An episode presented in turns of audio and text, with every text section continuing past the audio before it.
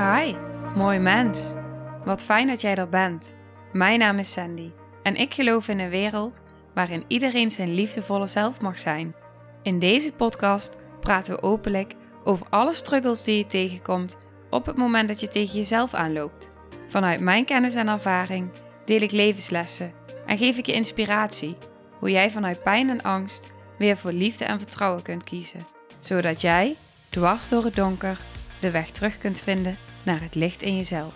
Welkom bij de Liefdevolle Strijder Podcast. Welkom bij weer een nieuwe aflevering. En in deze aflevering ben ik in gesprek met Wendy en Robert van Verslavingspraat. En ik wist op van tevoren al, als ik hun uitnodig en met hun in gesprek ga, dan kan het niet anders dan dat het een super toffe aflevering gaat worden. En dat is het ook geworden.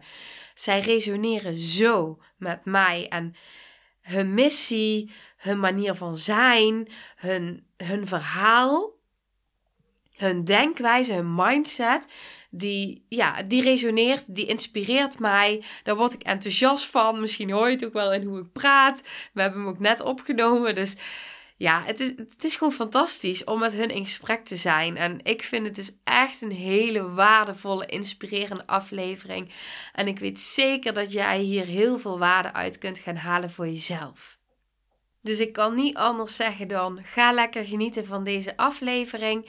Als je ze wilt volgen, echt een aanrader. Ik heb in de beschrijving heb ik de links gezet van zowel hun Instagram als van uh, het programma waar ze het over hebben. Dus dan kun je daar ook alle informatie makkelijk vinden.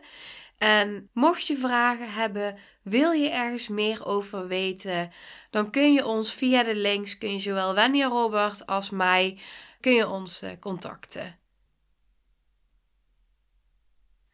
Nou, welkom. Dankjewel. Ja.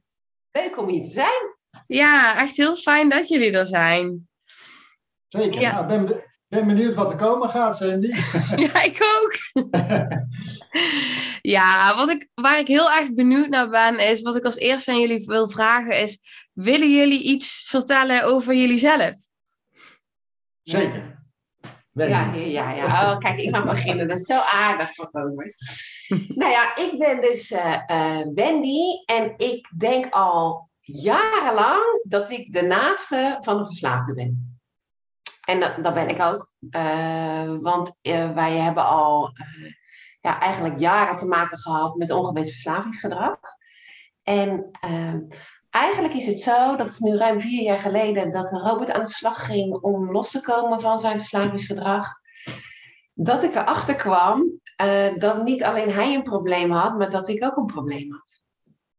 En eigenlijk maakt dat dat ik erachter kwam dat ik zelf ook leed aan verslavingsgedrag.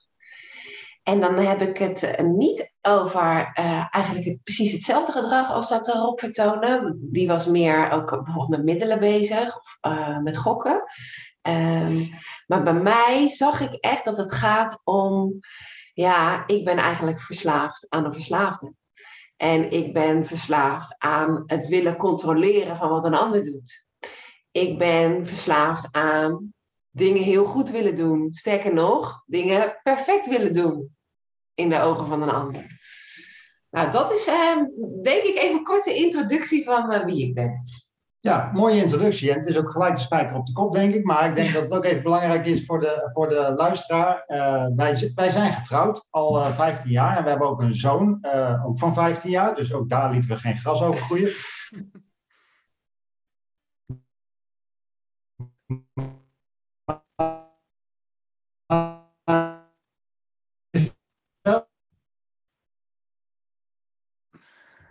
leren kennen, terwijl ik volop in uh,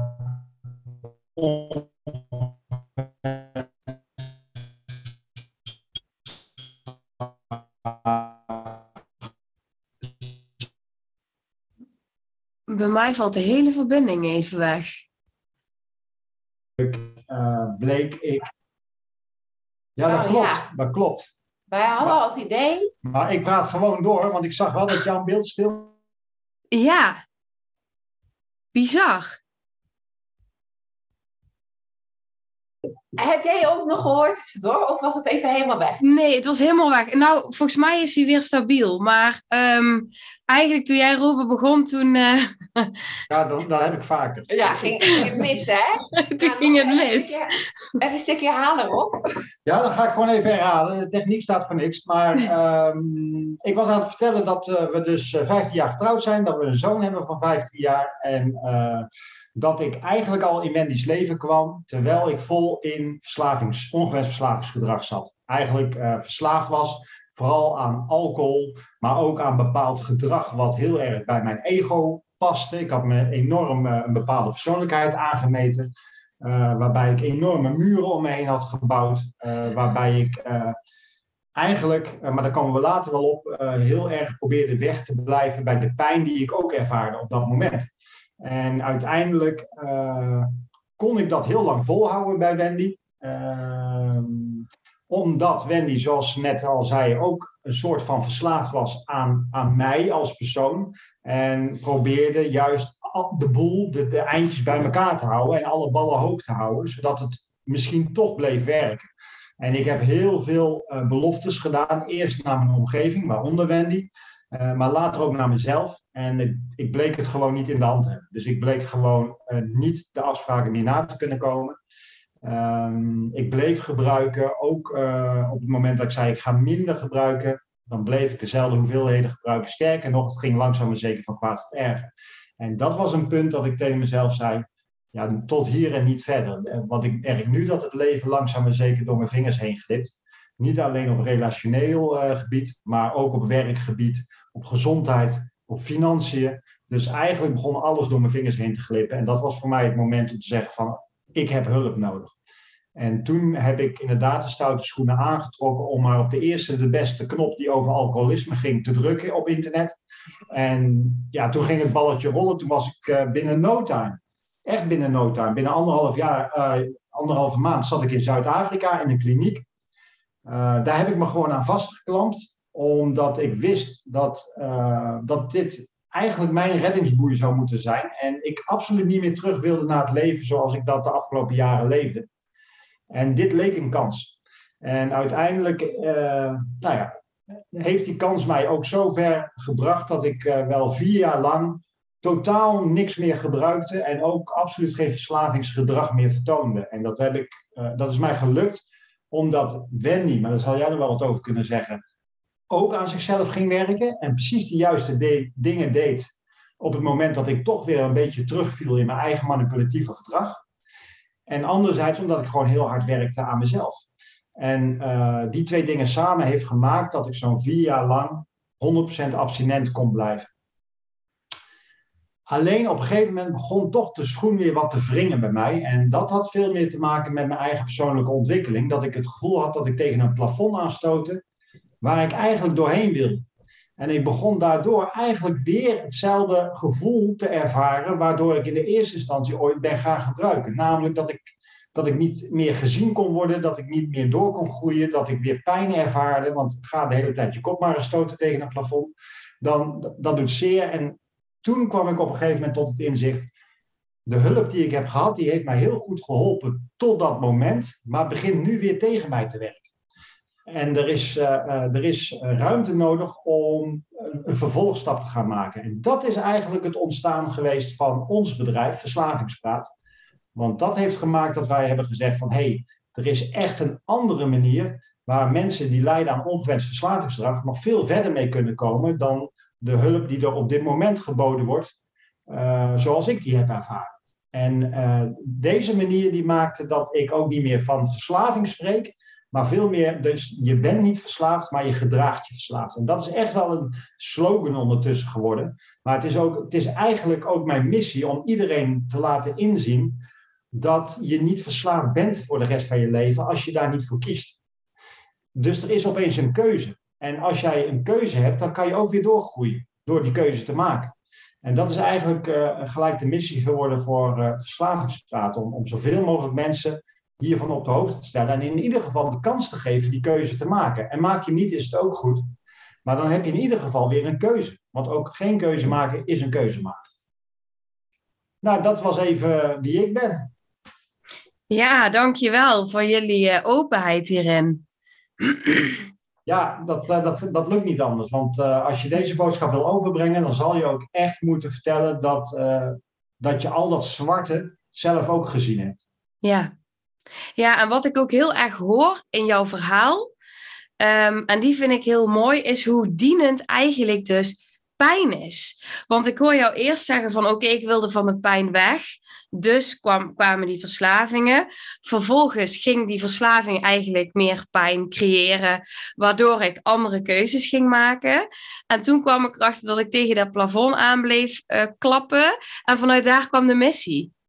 Ja, nou dat is helemaal hoe het chronologisch is gegaan. ja. ja. Nou, bedankt voor het luisteren.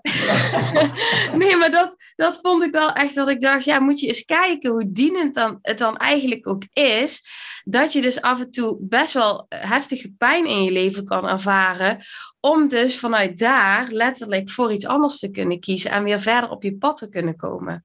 Ja, zeker. Nou, sterker nog, ik heb ook wel echt ervaren. Uh, dat ik ook tegen klanten bijvoorbeeld uh, van mij zei: van joh, ik ben echt dankbaar dat verslaving mijn leven in is gekomen. En zeker op het moment dat ik, dat ik mensen net kende, weet je, dat we uh, samen gingen werken en ik zei dit, konden, kreeg ik soms van die grote ogen van, joh, jij bent helemaal gek geworden in wat je nu zegt, want het is gewoon één grote shitzooi, uh, verslaving. Zo heb ik het natuurlijk jaren terug ook ingezeten. Maar ik kan wel echt zien dat juist doordat uh, toch ook ellende en pijn op je pad komt en je ermee aan de slag gaat. En als dit niet geweest was, had ik niet zo, ehm, eh, denk ik, de moeite genomen of, of misschien wel die kant op gegaan om gewoon mezelf beter te leren kennen. En ehm, ja, ik kwam natuurlijk ook achter dat ik echt dingen deed, ehm, dacht, uh, van alles, waar ik eigenlijk zelf helemaal niet vrolijk van werd. Waar andere mensen ook niet vrolijk van werden. En ik vind het is zo krachtig om, om naar jezelf te durven kijken van, joh, wat doe ik eigenlijk allemaal? En daar, daar dingen in te veranderen. En het heeft bij mij ook ervoor gezorgd dat ik gewoon dat ik mezelf eigenlijk soort van opnieuw heb uitgevonden. Dat ik ook nu veel meer zie oh ja, dat is wat ik vroeger deed. Het is wel heel interessant. Ik was van de week bij een vriendin. En ik vertelde ook aan haar, ik, ik heb echt in de jaren best wel bij haar ook gezeten, nog bij een aantal andere vriendinnen ook. Nou, hoe vaak ik wel niet jankend ergens zat en oh, mijn leven is zo ellendig en het is zo verschrikkelijk. En wat hij wel niet allemaal doet. Dat was vooral waar het over ging. Uh, heel erg mijn slachtoffer gevoeld. Uh, dat ik gewoon heel erg de focus op negativiteit had heel erg de focus op half leeg. Op wat nog niet lukt. Ik weet ook dat ik vaak bijvoorbeeld vanuit mijn werk te horen kreeg... ja, ze moet nog wel leren successen te vieren. Dat ik dacht, successen vieren, daar, heb ik daar ben ik helemaal niet mee bezig. Ik ben bezig met de rotzooi uh, op te ruimen.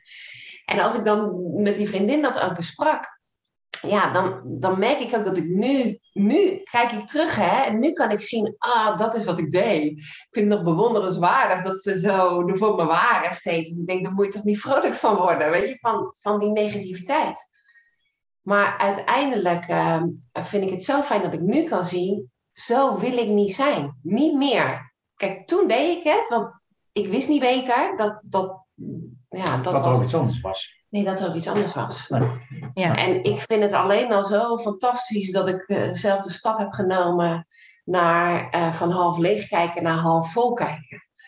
En, maar ja, dat is niet zonder slag of stoot gegaan. Dat, daar was wel wat uh, moeite voor nodig. En nog, hè? Nog want ik, ik loop makkelijk weer in het pad van half leeg. Ja, maar ik vind het wel mooi, want uiteindelijk is dit ook antwoord op de vraag van uh, pijn kan er inderdaad toe leiden dat je je mooiste leven kan gaan leiden. Want uiteindelijk is pijn een fantastische richting aanwijzen van waar je niet moet zijn.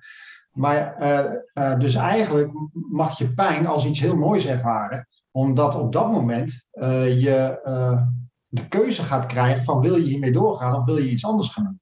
En voor mij uh, en ook voor jou heeft het dus duidelijk wel betekend dat op het moment dat die pijn te groot werd, en je hoeft het niet zo groot te laten worden, laat ik dat vooropstellen, maar goed, op het moment dat het te groot wordt, dan, dan ga je vanzelf wel die keuze maken om bij die pijn weg te bewegen. En uh, als je dan de juiste hulp krijgt op het juiste moment, ja, dan kan je heel snel naar het juiste pad toe bewegen. Uh, krijg je die hulp niet op het juiste moment of sta je er nog niet voor open, dan kan het zijn dat je van de ene pijn in de andere pijn schiet. Maar, maar, maar dat blijft dan toch weer een duidelijk signaal van het is nog steeds niet het juiste pad waar je op wandelt op dat moment. Ja, maar wat, wat ik wel heel interessant vind, is dat ik eigenlijk ook altijd alleen maar bezig ben geweest met wegbewegen van pijn. En dat ik de laatste jaren ook heb geleerd dat het er eigenlijk ook mag zijn. Dat ik, dat ik het niet elke keer weg moet duwen als die strandbal die ik onder water probeer uh, te duwen. Want hij komt gewoon in mijn face weer terug. Ja. En weet je, dus ook shit omarmen en er laten zijn en zo. Nou, dat stond vroeger helemaal niet in mijn woordboek. Doe normaal, alles moet weg. Ja, dat is wel heel waardevol. Dat we ook die andere kant nu kunnen omarmen. Ja. Ja, ik vind het zo mooi wat jullie zeggen. En in alles wat jullie zeggen, denk ik ja, ja, ja. Want dat is zo wat past bij mijn visie en missie en hoe ik tegen dingen aankijk. En ook inderdaad echt vanuit die slachtofferrol kunnen gaan kijken naar dankbaarheid. En zo in je kracht komen te staan en die persoon worden die je wilt zijn. En wat ik me daar dus net ook in afvroeg van, wat is nu hetgene geweest wat op jullie pad is gekomen, wat echt um, die transformatie echt heeft geholpen? Is er iets geweest wat echt, uh, waarvan je echt op terugkijkt en denkt, ja, dat, dat hielp zo ontzettend op dat moment? Vind ik moeilijk te beantwoorden hoor, want ik, ik heb het idee dat het een proces is geweest bij mij en dat het niet één vast moment is. Het is, het is werkelijk een optelsom van dingen geweest. En natuurlijk, elke keer als er iets gebeurde in mijn leven wat ik uh, pijnlijk vond of wat ik vervelend vond, kwam ik wel in beweging. Maar dat wil, dat wil niet zeggen dat dat al de beweging eh, direct was naar waar ik nu sta. Maar het, het, is wel een, het is wel een stap geweest naar het punt waar ik nu sta. En ik ben ook niet uh, in één stap op dit punt gekomen. Dus ik ben in heel veel stappen op dit punt aangekomen eigenlijk. En elke stap die ik heb gemaakt, heb ik gemaakt naar aanleiding van iets wat er in mijn leven gebeurde op dat moment. Dus eigenlijk al die stappen bij elkaar heeft gemaakt dat ik nu ben waar ik ben. En uh, dat is ook de reis die ik aan het maken ben. En uiteindelijk ben ik nog steeds niet op mijn eindpunt. Dus ik ben eigenlijk een hele lange wandeling nu aan het maken, maar wel op een pad die me bevalt. En af en toe neem ik weer een verkeerde afslag. En dan denk ik van, jezus, wat ziet het er hier uh, waardeloos uit. Ik wil hier helemaal niet zijn. En dan ga ik weer terug. Want dat kan ik nu wel, het herkennen van een lelijk pad. En dan teruglopen naar het kruispunt waar ik mijn eigen weg verloren ben geraakt. Dus uh, het is niet één punt. En wij noemen dat in de verslavingszorg ook wel je rock bottom. Natuurlijk heb ik een bepaalde rock bottom gehad toen ik die hulpvraag ging stellen en naar die kliniek ging. Dat was voor mij het punt dat ik denk van ja, ik ben weer mijn afspraak met Wendy niet nagekomen. En uh, dat voelde zo vervelend. Maar het was niet anders dan al die honderd keer daarvoor. Maar het was blijkbaar die honderd e uh, uh, 101ste is het, hè? ja. ja, dus die 101ste keer uh, dat was voor mij blijkbaar mijn rock bottom om te zeggen van ja, tot hier en niet verder. En dat was wel voor mij een heel significant punt waarop ik kan zeggen, daar heb ik echt een andere afslag genomen. Uh, die echt uh, weer in de richting kwam van waar ik nu sta. En, maar tussen dat punt, wat uiteindelijk ergens in oktober 2017 was, en nu, daar zijn nog wel heel veel afslagen genomen. Want uh, ik ben niet van, van, van oktober 2017 naar hier gekomen in één stap. Nee, dat is nee. wel een langer maar, proces geweest. Ja, en ik denk inderdaad ook dat het juist die kracht is van die verschillende stapjes en van die verschillende invalshoeken. En ik geloof ook op het moment dat je die intentie zet, dan zend je die eigenlijk uit ook in je energie. En dan komt die wet van aantrekking gaat gewoon aan het werk. En al die dingen die komen op het moment dat jij daar klaar voor bent. En deze ja. wilde ik heel erg terug hoor. Juist echt die keuze maken en vervolgens komt, komt het allemaal stap voor stap op je pad. Ja, en daar ook op vertrouwen. Uh, zonder dat ik eigenlijk op dat moment daarop aan het vertrouwen was. Want ik was toen de tijd nog helemaal niet in aanraking met de wet van aantrekking. Uh, tegenwoordig vanuit verslavingspraat wel, maar toen de tijd nog niet. Maar ik heb, als ik toen de tijd had geweten dat ik 4,5 jaar later hier zou moeten staan waar ik nu sta, dan zou ik niet eens aan die reis begonnen zijn. Want dan denk ik, dat is zo ver weg, dat, dat lukt nooit, dat is te groot. Het is juist al die kleine stappen achter elkaar uh, wat het mooi maakt en wat het mogelijk maakt. Want als ik dit in één dag had moeten doen, was het voor mij onmogelijk geweest, was ik er niet eens aan begonnen. het was wel een mooie wens geweest, maar het zou niet meer dan een droom zijn geweest. En uh, doordat ik het kleiner in hapklare brokken heb opgedeeld, ben ik er wel gekomen. Ja, maar dat is denk ik ook precies hoe je onderbewuste natuurlijk werkt. Op het moment dat jij een klein stapje zet en dat kunt geloven, dan ga je eigenlijk aan de gang. En dan, dan wordt die stap eigenlijk, ja, er komt weer een volgende stap. Ja, en het universum geeft hem in die zin ook, geeft je op dat moment ook weer meer mogelijkheden, omdat je die stap hebt gezet. Daardoor krijg je ook weer meer dingen aangereikt die in lijn liggen van die stap. Ja, en dan, en dan wordt het heel mooi natuurlijk. En dan gaat het proces zich ook wel versnellen. Ja, en ik geloof ook wel dat je ook precies krijgt uh, wat je aan kan. Ja. ja. Dat is wel uh, heel duidelijk. En, en, daarnaast merk ik ook, jij kan niet precies definiëren hè, wat, wat uh, de omslag is geweest. Bij, bij, mij is dat wel anders geweest. Ik heb in ehm, begin 2017 heeft echt mijn lijf tegen mij gezegd, tot hier en niet verder. Ik, heb, ik kreeg zo'n verschrikkelijke hoofdpijn. Ehm, dat ik niet meer kon werken. En dat mijn huisarts eigenlijk al heel snel de conclusie trok van... je hebt een burn-out. Mhm. En uh, ik moest echt uh, pas op de plaats gaan maken. En ook in de trajecten die ik toen ben gaan volgen... dingen die ik toen heb geleerd... toen kwam ik al echt achter van... joh, wat ik allemaal aan het doen ben. Zo aan het rennen door het leven. Uh, alleen maar in mijn hoofd draaien. Ik, ik heb eigenlijk alles wat onder mijn hoofd zit totaal genegeerd. Uh, dus, dus als je het dan weer hebt over die pijn, ja, die wilde ik eigenlijk niet voelen. Ik voelde alleen maar die pijn in mijn hoofd. Uh, en vooral de piekerstand en het zorgen maken, dat was waar het bij mij over ging. Ja. En voor mij is wel echt dat een omslag geweest, waardoor ik de stap heb genomen om aandacht aan mijn lijf te gaan geven. En om uh, echt te gaan leren dat mijn lijf mij signalen geeft. En eh, ik, toen ben ik ook in aanraking met meditatie gekomen, want daarvoor, ik had er geen idee. Ik had wel eens van gehoord, maar joh, dat is allemaal niks voor mij. Dat was hoe ik er toen in zat. En ook dat heeft me zoveel gebracht. Ja, daardoor heb ik ook echt wel mezelf veel beter leren kennen. Ook letterlijk stilstaan was voor mij heel belangrijk in een leven waarin ik zo aan het rennen was. Rennen om de alle ballen hoog te halen. Ja, ja, en zijn er nog, want ik kreeg net inderdaad meteen de vraag, dat ik dacht, oh zo mooi dit, want hoe ben je inderdaad meer in je lijf gaan voelen? Is dat naast meditatie, zijn dat nog meer dingen geweest of was meditatie echt het belangrijkste? Meditatie was voor mij het belangrijkste, maar ook uh, sowieso wel ontspanningsoefeningen doen. Ik kwam er bijvoorbeeld achter dat als ik s ochtends wakker werd, ging ik dus voelen, hoe, hoe voel ik me? Dat had ik nooit gedaan. En dan merkte ik gewoon dat ik al mijn spieren aanspande. Hmm. En dat ik, terwijl ik net uit mijn slaap was. Dus ik was zo gewend om alles, laat maar zeggen, in de, in de spanningsstand te zetten. Dat ik echt wel aan de slag ben gegaan met ontspanningsoefeningen. En ik ben ook met yoga aan de slag gegaan. En dat, dat heeft mij ook wel echt geholpen. En dan ook wel echt op een langzame manier. Dus niet om weer in allerlei perfecte houdingen te komen, maar meer om, om, om echt te voelen. Ja, geen quick fix, maar gewoon echt zijn. Zeker. Ja, en voor mij werkte dat wel anders om bij mijn gevoel te komen. Want ik zat natuurlijk ook van geen meter bij mijn gevoel toen ik nog vol in mijn gebruik zat. En voor mij was echt het eerste vereiste om te stoppen met mijn middelen. Want mijn middelen maakten dat ik ook niet bij mijn gevoel kon komen. Mm. Want uiteindelijk eh, door drankgebruik of in een casino aanwezig zijn, dan ben je gefocust op hetgeen waar je op dat moment mee bezig bent. Maar je, hebt, je bent echt heel ver van je gevoel af. Wat uiteindelijk ook het idee was. Hè? Want ik wou ook helemaal niet bij mijn gevoel zijn. En daarvoor ben ik in de eerste instantie überhaupt al dat verslavend gedrag uh, gaan doen. Ja. Uh, maar dat diende mij helemaal niet meer. En de oplossing zat dus feitelijk wel om naar dat gevoel te gaan. Maar om dat te doen moest ik natuurlijk wel het middel eerst uitschakelen. En uh, dat betekent dat ik echt eerst door een fase van ontwenning heen moest. En dan vervolgens in een fase van opnieuw leren uitvinden hoe ik bij mijn gevoel moest komen.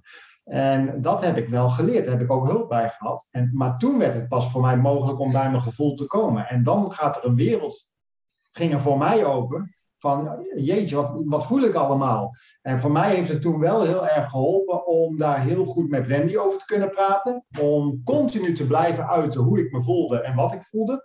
En ook op het moment dat ik helemaal niet wist wat ik ermee aan moest, maar dat ik het in ieder geval kon beschrijven. In eerste instantie had ik namelijk nog helemaal niet het idee van welke namen er bij bepaalde gevoelens hoorden. Dus ik kon het helemaal niet definiëren. Ik kon het alleen omschrijven. En later, toen ik me daarin ging verdiepen, zag ik dat er voor allerlei soorten gevoelens gewoon woorden zijn. Als nieuwsgierig of gemotiveerd of uh, angstig. Of, dat zijn allemaal woorden die bij een bepaalde frequentie, bij een bepaalde trilling in je lichaam horen. Nou, hoe beter je dat gaat leren herkennen en, hoe beter je dat gaat leren definiëren, ja, hoe beter je ook bij je gevoel kan komen, wat mij betreft. Omdat je dan veel meer je eigen systeem kan lezen en daarop kan reageren. En dat heeft mij enorm geholpen om eh, met mijn gevoel weer opnieuw uh, om te leren gaan. Mooi. En dat heeft uiteindelijk mij weer geleerd om mijn mooiste leven te gaan leven. Want uiteindelijk is niet mijn hoofd, uh, blijkt mijn navigatiesysteem te zijn, maar mijn gevoel. Dus mijn, mijn gevoel brengt me naar het juiste pad en niet mijn hoofd. Mijn hoofd brengt me naar het veiligste pad, maar mijn gevoel naar het beste pad. En dat is echt een groot verschil. Ja, dus eigenlijk ben jij letterlijk uh, gaan voelen in je lichaam van oké, wat voor emotie voel ik nu? Welke naam hoort hierbij? En daar ben je dus ook over gaan spreken. Dus om het echt letterlijk uh, ruimte te geven en te uiten. En op die manier ben je meer bewust geworden van je gevoelens in je lichaam. Klopt dat? Ja, dat klopt. En doordat ik er ook een naam aan kon geven, uh, kon het er ook zijn. Ja. ja. ja. Maar ik denk dat daarin dat stuk er open over zijn ik, ik denk wel dat dat ons ook enorm heeft geholpen. Ik, ik weet het nog wel in de. Ik, ik ben van mezelf wel vrij open, dus ook in de tijd van mijn burn-out. Ik vertelde dat wel aan mensen. Maar uh, later in dat jaar ging uh, Rob dus naar de kliniek. En hij was weg. En ik heb eigenlijk toen ook aan iedereen die het maar horen wilde verteld. Uh, wat voor shit er aan de hand was bij ons. En Rob kwam terug en die had echt zoiets van: Wat? Ben je helemaal gek geworden? Ja, dat snap ik natuurlijk ook wel. Maar uiteindelijk is dat wel heel helpend geweest. Ik, ik vind het, het is altijd voor mij helend geweest.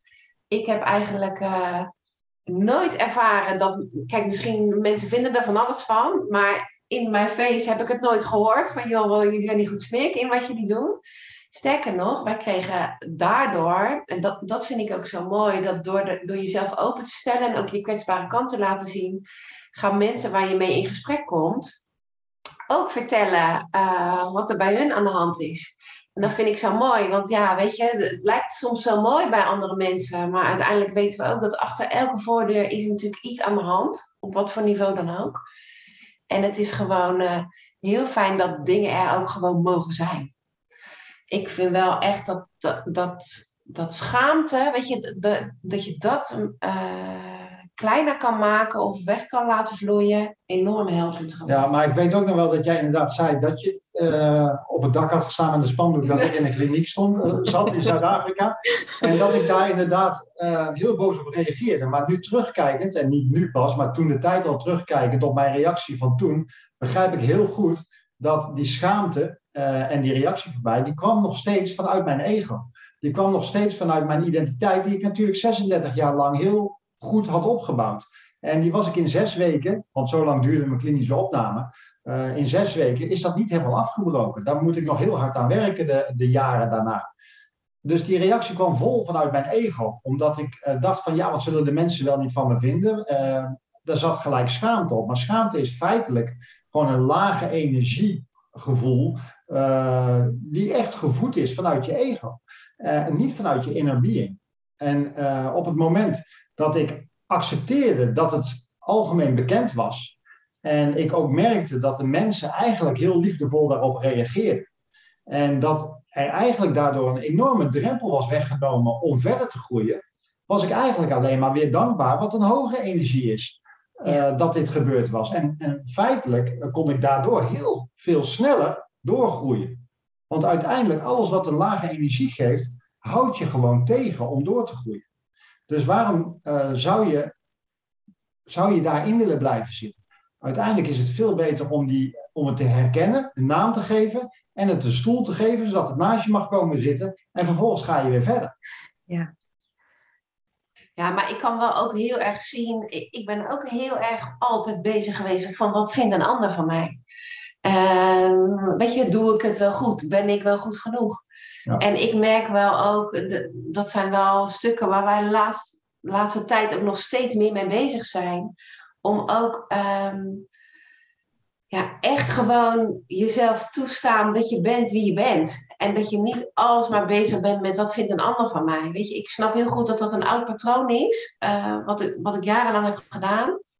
Maar, maar daarin ook, weet je, uh, mensen die op een bepaalde manier met mij of met ons omgaan waar ik niet blij van word, daar heb ik bijvoorbeeld jarenlang dan mijn best voor gedaan, zodat ze me wel leuk gingen vinden, bijvoorbeeld. Of wel dat ik in contact kon blijven. En ik merk wel dat we daar steeds meer stappen in kunnen nemen. Van ja, weet je, je kan ook niet met de hele wereld vrienden zijn. En als, als je dus niet op zo'nzelfde trillingsniveau met iemand anders zit, ja, dan mag je ook gewoon uh, afscheid nemen. Of uh, vooral je focus op iets hebben waar je wel blij van wordt. Want dat is denk ik wel echt wat nu bij ons gewoon hot is. We, wij willen vooral ons focussen op wat goed voelt. En eigenlijk elke keer als richting aanwijzen, het voelt niet goed, wacht eens even, dan zitten we dus niet op onze goede weg. Ja.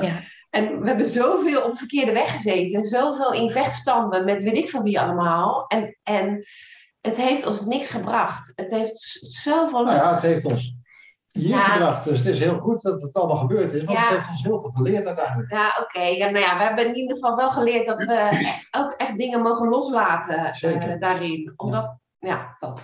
Ja, maar wat ik daar ook heel erg sterk in hoor, en ik denk dat die ook heel, die zit op diepere lagen, is dat die verbinding met jezelf eigenlijk door de jaren heen zo sterk is geworden, dat die missie zo sterk is geworden, dat je gevoel, die, die in lijn zijn met jezelf, dat het misschien nog steeds wel triggert af en toe als mensen je afwijzen of wat dan ook, maar dat dat met jezelf zo uh, in verbinding staat, dat je daardoor ook minder gevoelig wordt voor die mening van de ander, omdat je het al bij jezelf kan vinden. En dat is wat ik heel erg daarin hoor. Ja, nou, dat klopt ook. Eh, de, de, de erkenning moet niet van de ander komen. Het is wel prettig om erkenning te krijgen, maar het mag, het mag mijn missie niet afbreken. En het hoeft mijn missie ook niet te vertragen. Maar uh, het is, het, we zijn mensen, dus het is altijd fijn om erkenning te krijgen. En het is nooit fijn om een afwijzing te voelen. Maar aan de andere kant is het, uh, is het ondertussen, nee, precies wat je zegt, voelen wij gewoon dat dit is wat we moeten doen. En wat mij enorm helpt, is wat Wendy zegt. Je hoeft niet met iedereen vrienden te zijn. Maar ik vind het wel heel belangrijk, en dat is anders dan wat ik vroeger deed. Iedereen mag er wel zijn op de manier zoals hij dat wenst. En als een ander uh, mij wenst af te wijzen, dan mag hij dat gewoon doen. Want het mag gewoon zijn waarheid zijn. En ik vind het zo belangrijk dat er heel veel waarheden naast elkaar mogen bestaan. Dat is zoveel fijner leven dan dat jij denkt een monopolie te hebben op de enige waarheid. Dat, ja, maar daarnaast is natuurlijk ook de vraag: wijst die jou af of wijst die iets in zichzelf af wat hij in jou herkent? Ja, nou ja, dat laatste is algemeen natuurlijk wat we zeggen, maar dat vinden we ook wel heel fijn om dat op die manier natuurlijk te zeggen. Ja. Maar volgens mij hoef ik daar niet eens mijn energie in te steken waarom die het doet. Volgens mij hoef ik alleen maar energie te steken in mezelf. Ja, mooi. Ja. En uiteindelijk uh, stroomt het daar. En is mijn missie op aarde en mijn intenties uh, toen ik deze missie ben aangegaan, alle energie die ik heb, moet ik in mezelf steken om die missie te voltooien. En uh, die ander, die zijn eigen missie heeft hier op aarde, die moet zijn missie of haar missie voltooien. Maar daar hoef ik niet mijn energie in te steken. Hmm. Zijn eigen energie is belangrijk daarvoor. En op het moment dat hij zijn energie in mij wenst te steken door mij af te wijzen, is dat feitelijk zonde van zijn energie. Want volgens mij kan hij niet beter in zijn eigen missie steken. ja. Ja. ja, maar, is dat ook... Je... Ja, oh, nee, zeg maar. Nou ja, daarin merk je ook dat mensen op de wereld allemaal op een heel ander level natuurlijk zitten. Um, dus wij komen er ook wel achter dat er ook gewoon veel mensen zijn die... Weet je, wij praten veel meer tegenwoordig over ons mooiste leven. En als wij dat met anderen bespreken, dan merken we dat echt niet iedereen dat helder heeft. Van je mooiste leven leven. Uh, nou ja, veel kunnen dan wel voelen van nee, dit, dit, is niet het mooiste. Maar wat het dan wel is, weet je, dat, de een is daar natuurlijk helemaal niet mee bezig en de ander wel. En ik, ik merk zelf wel dat het ook fijn is om, om met mensen in contact te zijn die ook op dat level daarmee bezig zijn. Ja, maar dat komt omdat ze in een bepaalde energie zitten. En die energie dat trek je aan. Ja. Ik bedoel, daar krijg je zelf ook weer energie van. Dus ja, natuurlijk, omring je vooral met de mensen waar, die op hetzelfde trillingsniveau zitten, zoals we dat dan noemen. Daarom had ik natuurlijk ook zoveel gebruikersvrienden. Want uiteindelijk was dat een hele prettige omgeving om tussen te verkeren in de omstandigheden waar ik toen was. Maar daarom is het ook heel moedig en ook heel goed voor je eigen ontwikkeling om, als jij je eigen pad aan het bewandelen bent, om ja, op een gegeven moment ook weer afscheid te durven nemen van mensen die jou niet meer dienen. Die niet meer jouw mooiste leven dienen. En dat zegt niks over die mensen. Dat zegt iets over dat jij weer een, een stap gaat maken richting je doel. En uh, nou ja, dus dan is het ook gewoon heel dankbaar zijn voor dat die mensen op je pad zijn geweest. Maar het is ook gewoon weer fijn om afscheid te nemen. Want de mensen die jou heel veel energie hebben gegeven in het verleden, kunnen jou op een gegeven moment weer aan het afremmen zijn. Ja. En dan is het gewoon prima om daar afscheid van te nemen en nieuwe mensen op te gaan zoeken die, die op dat moment weer goed gaan voelen.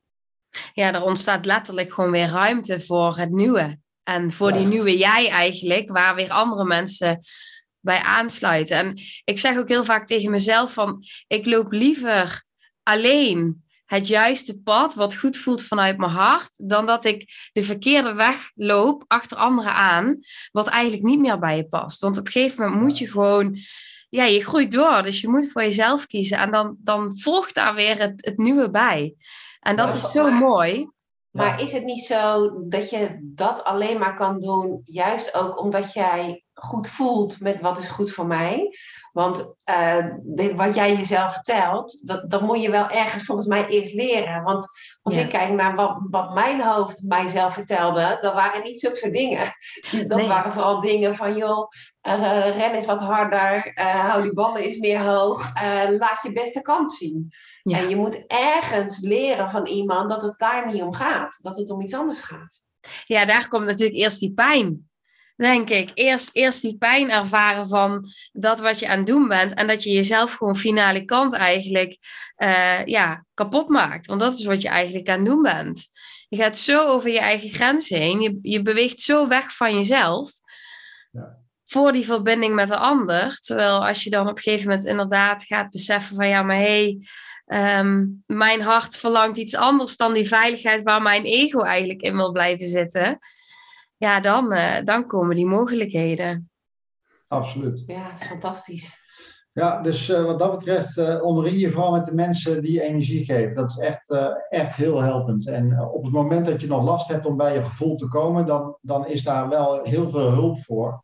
en, durf, en dat zijn feitelijk ook weer de mensen die, waar je je dan mee moet omringen en mag omringen. Omdat, omdat je dan verder gaat, die gaan je verder helpen. En ik ben er echt wel van overtuigd ondertussen dat het leven hoeft niet zwaar te voelen. Op geen enkele dag. En op het moment dat je denkt van het voelt zwaar wat ik aan het doen ben, of deze dag zie ik tegenop, of wat dan ook, dan mag je je echt zelf afvragen van wat maakt dat deze dag zwaar aan het voelen is. Want ben ik dan nog wel de juiste dingen aan het doen? En het is natuurlijk niet zo dat elke dag fantastisch en één groot feest is. Maar er is echt een verschil tussen echt zwaar voelen of uh, neutraal. En, en kijk, het is helemaal fijn als het licht voelt. Dan weet je zeker van ik ben, ik ben de, de juiste dingen aan het doen. Maar neutraal is ook oké. Maar als het zwaar gaat voelen en dat je met tegenzin uh, jezelf uit bed moet slepen, ga echt eens voelen wat je werkelijk wil. En, ga zo over nadenken in die zin van, ben ik nog op het juiste pad? Ja, en ik denk dat wat daarbij ook heel belangrijk is, is ook hulp gewoon durven vragen. Want ja, het is ook niet zo raar dat, dat je zelf, als je in zo'n situatie, zoals jij net beschrijft, uh, terecht bent gekomen. Dat komt door de verhalen die je jezelf aan het vertellen bent, uh, alsmaar. Dan heb je het ook nodig om te leren hoe je jezelf andere verhalen kan vertellen. En ik vind dat echt wel een enorme kracht om gewoon hulp te durven vragen als je het zelf even niet meer weet. Dat, dat is al zo'n mooie stap richting je, het leven van je mooiste leven. Nou, en een van de, van de bekende fases in bijvoorbeeld ongewenst verslavingsgedrag, maar ik denk in veel meer dingen, is dat je heel lang in staat bent om het te ontkennen. Gewoon uh, aan te geven van, joh, het is niet zo. Of te minimaliseren, of te relativeren, te bagatelliseren. Allemaal van die mooie woorden met uh, hetzelfde doel van, het is er niet. Of het valt wel mee. En, maar deep down inside voel je dat het niet klopt wat je aan het doen bent. En eigenlijk uh, ja, is het zonde dat je jezelf op dat moment aan het ondermijnen bent. Uh, dat je niet durft te zeggen tegen jezelf notabene, het klopt niet wat ik aan het doen ben. Ik moet echt iets anders gaan doen. Ik weet alleen niet wat. Ja, en dit is ook een hele mooie die echt voor, voor naasten uh, geldt. Ja. Want ik heb natuurlijk ook heel lang gezegd, ja, maar jij hebt een probleem en jij moet iets aanpakken en uh, joh, gaat regelen. Um, maar ja, weet je, ik, ik heb zelf ook iets te doen. En ik zie het om me heen, eigenlijk ook bij al die mensen waar wij mee uh, aan de slag zijn. Heel veel naasten denken inderdaad van, ja, maar hij heeft iets te doen of zij heeft iets te doen. Maar als naaste ben je ook gewoon bepaalde systemen in stand aan het houden. Uh, sterker nog, ik kwam erachter dat ik eigenlijk gewoon uh, de, verslaving aan het faciliteren was op allerlei manieren. Dat juist de manier waarop ik reageerde, of waarop ik aan het zorgen was, waarop ik de verantwoordelijkheid uit de handen nam dat ik eigenlijk, uh, nou ja, mede schuld, ik wil niet de schuld aan iemand geven, maar als we het daar dan over hebben, ik uh, leverde een behoorlijke bijdrage aan wat er gebeurde. En, en ja, dat zie ik wel dat dat heel helpend is als naasten ook gaan erkennen, wacht eens even, niet alleen die ander heeft iets te doen, maar ik heb ook iets te doen. Maar dit is dus een, echt een heel mooi voorbeeld. Uh, ja, jij wil ook praten, maar wij zijn gevast. maar, in beeld, hè? dat is wat ik zeggen. Ja, maar dit is wel een heel mooi voorbeeld waarin je dus werkelijk ziet van het ontkennen. Het is zo makkelijk om te zeggen van ja, maar die verslaafde heeft iets te doen. Ja, dat is het meest zichtbare. Dat is heel makkelijk om daar neer te leggen, om jezelf weg te houden dat jij ook eigenlijk helemaal niet lekker in je vel zit als naaste. En dat jij daar zelf je verantwoordelijkheid voor moet nemen. Dat kan je niet neerleggen bij die ander. Want uiteindelijk doet een verslaafde dat ja, die legt het neer bij zijn middel of bij de omstandigheden of bij een posttraumatische stressstoornis. Maar je kan of bij de naaste. Of bij de naaste, omdat hij altijd loopt te zeiken over zijn gebruik en daardoor ga ik alleen maar meer gebruiken. Dus het is ook het spelletje van het niet bij jezelf willen zoeken. En op het moment dat jij het lef hebt om te kiezen voor je eigen geluk, want dat, daar is lef voor nodig, dan, dan zal je gaan zien dat er dan werkelijk iets gaat veranderen. Op het moment dat je zegt van hé, hey, het ligt niet aan de ander. Daarmee zeg je, ik kan er iets aan doen. Want als je het bij de ander neerlegt, kan je er niks aan doen. Maar op het moment dat je zegt van, ik ben schuldig aan de situatie, op dat moment heb je akkoord gegeven van, nu ben ik niet meer machteloos, nu kan ik er wat aan gaan doen. En dan zal de wereld in positieve zin gaan veranderen. Nou, sterker nog, het is heel dienend. Dat, heb, dat is echt onze ervaring. Dat je gewoon allebei uh, iets gaat doen. Zeker. En dat is ook precies de reden waarom wij met Verslavingspraat ons niet alleen richten op verslaafden, maar eigenlijk op dat hele systeem. Ja. Omdat je uh, zoveel meer kracht en geluk en vrede en rust en zo kan gaan ervaren. Als, uh, als je als naaste ook wat gaat doen. De kans op slagen is ook veel groter. Ik bedoel, je wil niet weten hoe weinig mensen uiteindelijk het eerste jaar die uit de verslavingszorg komen, het eerste jaar clean blijven. Dat is een enorm laag aantal. En uh, ik denk dat die kans vergroot wordt op het moment dat je het hele systeem de aandacht geeft die het verdient. Ja, en daarnaast zijn er ook naasten die, die denken, ja, maar ik ben nu van hem gescheiden of weet je zoiets. Ja. Ik ben er nu vanaf. Wij zien ook zo vaak gebeuren, weet je, je neemt gewoon jezelf mee. Dat is precies hetzelfde als dat ik nu naar Australië ga en ik denk, ik laat een hele boel in Nederland achter me. Ik kom daar mezelf weer tegen met al mijn gewoontes en gebruik en gedrag. En als je dat als naaste niet verandert, nou, ik kan op een briefje geven. Het lijkt wel alsof op je voorhoofd staat.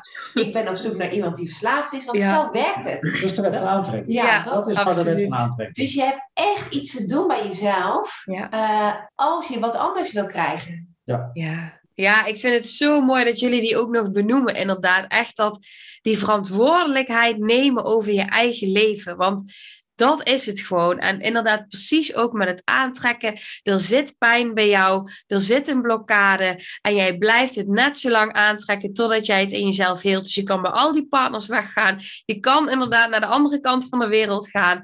Het komt weer tot je. Ja. Want het leven wil dat je heelt. Ja, ja. Exact. Ja. Alleen jij moet wel de eerste stap zetten. Ja. Ja, en het is inderdaad heel mooi ook die, die, die hele familiesysteem of die hele systeemaanpak. Want daardoor pak je ook echt, ja, je pakt de hele kern, zeg maar. Ja, ja. en als iedereen eraan gaat werken, dan, dan zal er één grote positieve vibe uh, rond gaan zingen in zo'n gezin. En dat gaat het hele proces versnellen. Ja, en dat wil niet zeggen dat het één grote halleluja is, hè, gelijk. Want dat is echt met vallen en opstaan natuurlijk. Er is geen quick fix, nee. Nee. Nee, nee absoluut niet. Maar, maar, ja, misschien ook maar goed ook, want uiteindelijk bouw je het mooiste huis op de dikste fundering. En, en, en, en dan moet je dus niet uh, op, op modder gaan bouwen. Want dan, dan heb je een heel snel een huis staan, maar het dondert ook zo in elkaar bij de eerste beste eh, storm. Dus, dus uh, neem ook zeker het initiatief of, en de tijd om je fundering goed aan te leggen. Want daarna kan je alles bouwen wat je wilt. Ja, mooi. Ja, ik verzin ze te plekken op. ja, nee, echt. Uh, ja, heel mooi. En ik denk ook dat dit een goede is om zo te gaan afronden. Ja, ja hartstikke ja. goed. Ik denk het ook. We hebben ook wel uh, alles mogen zeggen wat we, wat we kwijt wilden. Ja, ja want dan wou ik nog vragen. Is er nog iets anders wat jullie belangrijk vinden om nog te benoemen? Ja, uh, ik altijd. Er zijn een aantal dingen. Kom maar door. nee, ik, ten eerste wil ik je bedanken dat je ons hebt uitgenodigd en het podium hebt gegeven om onze boodschap uh, te, ver, te, te verbreiden. Verspreiden. Te verspreiden. Ja. Ik denk te verbreden en te verspreiden. Ja, dus dat, maar dankjewel daarvoor. Hartstikke leuk. En uh, ik ben ook uh, super trots op wat jij allemaal aan het doen bent. Dat wil ik uh, je ook meegeven. Het is echt heel mooi. Een hele mooie missie heb je. En ik zou ook jouw luisteraars willen zeggen: volg Verslavingspraat. En als iemand onder de luisteraars last heeft van ongewenst verslavingsstraf van zichzelf of van iemand die die kent en ze gunnen die persoon of zichzelf ook een mooie leven, weet dat wij beginnen met de Walk to Freedom op 11 april. En iedereen die op de wachtlijst wil komen te staan, geheel vrijblijvend, kan dat nu doen, want dan zit je er nog bij. Ja. Dat wou ik even kwijt. Ja, ik ben ook een commerciële jongen. Ja, maar dat is ook heel goed. Want ja, weet je, ik ben super dankbaar dat jullie hier zijn. En uh, ik, ja, ik vind jullie missie echt geweldig. En het kan maar niet vaak genoeg en breed genoeg verspreid worden. Ik sta er helemaal achter. En ja, ik voel het helemaal. Ik vind het fantastisch wat jullie doen. Dus ik ben heel erg dankbaar dat jullie, ja, dat jullie dit wilden delen. Ah, zo lief. lief dankjewel. Heel graag gedaan. Ja. Heel graag gedaan. En uh, joh, dit gaan we vast nog wel een vaker doen in de toekomst. Ja, dat vind ik heel, heel goed plan. Want ik weet je, jullie kunnen zo, ik vertrouw daar, ik voel het ook zo, jullie kunnen zoveel mensen helpen met jullie boodschap en jullie intentie. Dus ja, ja, heel mooi. Super. ja. Dankjewel daarvoor. Dank jullie wel. Ja. Tot snel. Tot snel. Tot verslavingspraat. ja. Nou, lieve mensen, ontzettend bedankt voor het luisteren. Ik ben heel benieuwd wat je van de aflevering vond en welk inzicht je eruit hebt gehaald. Mocht je nog vragen hebben of is er een onderwerp waar je meer over wilt weten, laat het me dan weten. En wie weet neem ik het mee in een van de volgende afleveringen. Als je het leuk vindt, kun je de aflevering delen. Of maak een screenshot en tag me op Instagram. Want ik vind het echt super tof om te zien wie er luistert. De link van mijn Instagram staat in de beschrijving bij de podcast. En wil je blijvend geïnspireerd worden? Klik dan op abonneer of volgen in de podcast-app waarmee je luistert. Dat zouden ik en alle toekomstige luisteraars enorm waarderen, want dat zorgt er namelijk voor dat de podcast beter gevonden wordt. Nogmaals, dankjewel voor het luisteren en heel graag tot de volgende aflevering.